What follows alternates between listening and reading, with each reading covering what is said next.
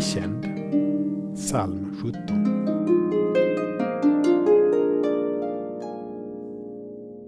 Frikänd ska jag se ditt ansikte och mättas av din åsyn när jag vaknar.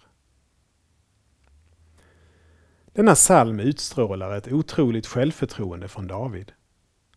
Du granskar mig, men finner inget brott. Inget ont kom över mina läppar. Hur kan David säga så till Gud?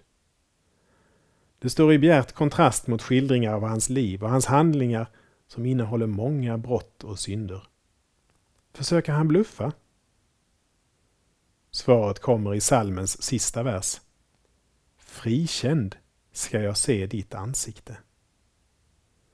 David hade låtit Gud fälla sin dom. Men domen drabbade inte David, utan Davids son, Jesus Kristus. Nu blir det alltså ingen fällande dom för dem som tillhör Kristus Jesus, skriver Paulus. Samma frikännande gäller oss.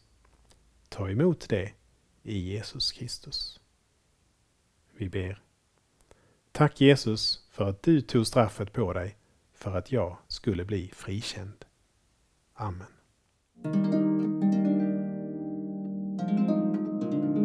Saltarklanger med Per Runesson producerad av Norea Sverige.